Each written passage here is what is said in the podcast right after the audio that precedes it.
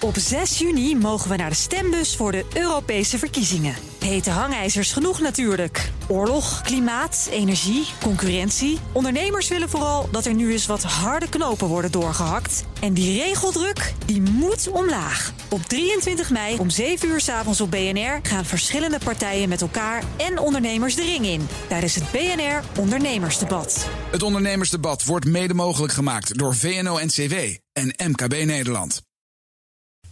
De column van Bernard Hammelburg.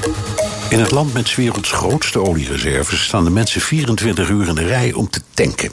De inflatie staat op 10 miljoen procent. Honger en armoede zijn van onvoorstelbare omvang. Venezuela heeft vrijwel opgehouden bestaan.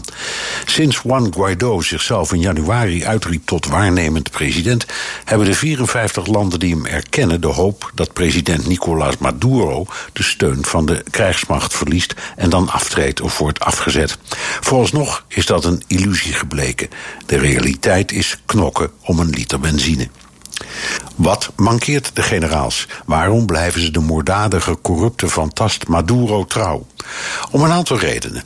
Ze zijn in belangrijke mate zelf de aanstichters van het kwaad, niet sinds Maduro in 2013 aantrad, maar al vanaf diens voorganger Hugo Chavez in 2003 aan de macht kwam. Ze zijn politiek en financieel verstrengeld met de regerende kliek, de olieindustrie, het bedrijfsleven en de door Iran gefinancierde deal om Hezbollah binnen te halen om de oppositie te onderdrukken en een drugskartel in stand te houden, waarvan zij, die generaals dus, mee profiteren. Van Guaido hebben ze weinig te verwachten. Hij zal ze zonder scrupules in het diepe ravijn laten storten waarin ze nu staren. De generaals geloven ook dat Venezuela zo ver heen is dat reddende engelen niet bestaan, laat staan Juan Guaido, die ze een zweverige drammer vinden. De New York Times noemt Venezuela het grootste niet door oorlog veroorzaakte economische rampenland sinds 45 jaar. Maduro's voorganger Chavez beloofde een heilstaat, zou het bezit van de rijke elite onteigenen en de olieinkomsten verdelen onder het volk. Het gebeurde nooit, maar het maakte hem uitzinnig populair onder de armen.